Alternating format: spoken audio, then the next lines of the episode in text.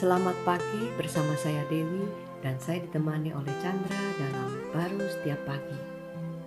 Kalau dibilang uh, membutuhkan satu supranatural itu sebenarnya kita perlu yang uh, kekuatan supranatural di dalam hidup kita sih sebenarnya dengan keadaan yang sekarang kita jalani ini kayaknya uh, kita nggak bisa menjalani dengan itu yang terjadi juga di dalam Matius 14 ayat 29. Kata Yesus, datanglah maka Petrus turun dari perahu dan berjalan di atas air mendapatkan Yesus.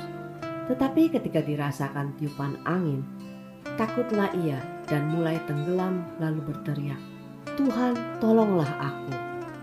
Ya, ini menarik juga ya kita itu melihat uh, dia rasanya kayaknya mau berjalan supranatural kayak Yesus ya. Iya. Tapi dia akhirannya nggak bisa juga. Ya sebenarnya sih ya uh, Tuhan ingin ya uh, Petrus bisa berjalan seperti dia uh, punya kekuatan, hmm. bisa jalan di atas air. Ya. Itu uh, supranatural kan? pernah jalan di atas air? Gak pernah, kan? Pernah di, di dalam air ya.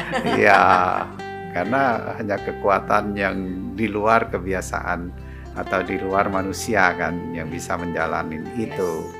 Uh, sebenarnya itu gambaran aja bahwa manusia itu uh, tidak bisa dari kekuatan diri dia untuk menjalani perjalanan hidupnya. Hmm. Selalu ada aja tantangannya yang jauh lebih besar daripada kekuatan dirinya. Nah, Tuhan itu datang kan uh, untuk bisa memberikan kekuatan dengan hidup yang supranatural. Bagi Tuhan Yesus jalan di atas air itu ringan-ringan aja. Iya. Ya karena dia punya kekuatan hidupnya seperti itu, seperti kayak eh, kupu-kupu. Uh, kalau terbang natural aja bagi dia. Tapi kalau ulat suruh dia terbang, ya nggak mungkin. Nah, kita itu sebenarnya kan sudah jatuh ya hilang otoritas dan kuasanya yang supranatural. Tapi eh, Tuhan ingin tebus dan memberikan kuasa itu dipulihkan.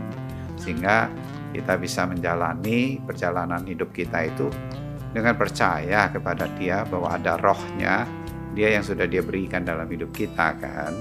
Sehingga apa aja yang kita hadapi secara manusia kita itu kekuatan dia jauh lebih besar selalu ada jalannya selalu tidak terhentikan ini yang namanya hidup supranatural sebenarnya iya cuma kadang-kadang kita terbawa oleh angin uh, yang sekitar kita seperti Petrus itu ya. sehingga dia berpikir wow tenggelam. dia akan tenggelam karena nih tiupan angin ya. ya karena tiupan angin itu tapi ada Tuhan yang menolong dia dia berseru kepada Tuhan hmm. tapi ya itu kan eh, sepertinya eh, ada perjalanan seperti turun naik gitu ya. Sebenarnya kalau kita ngelihat Tuhan sudah lakukan penebusan dengan hidupnya dia di dalam hidup kita.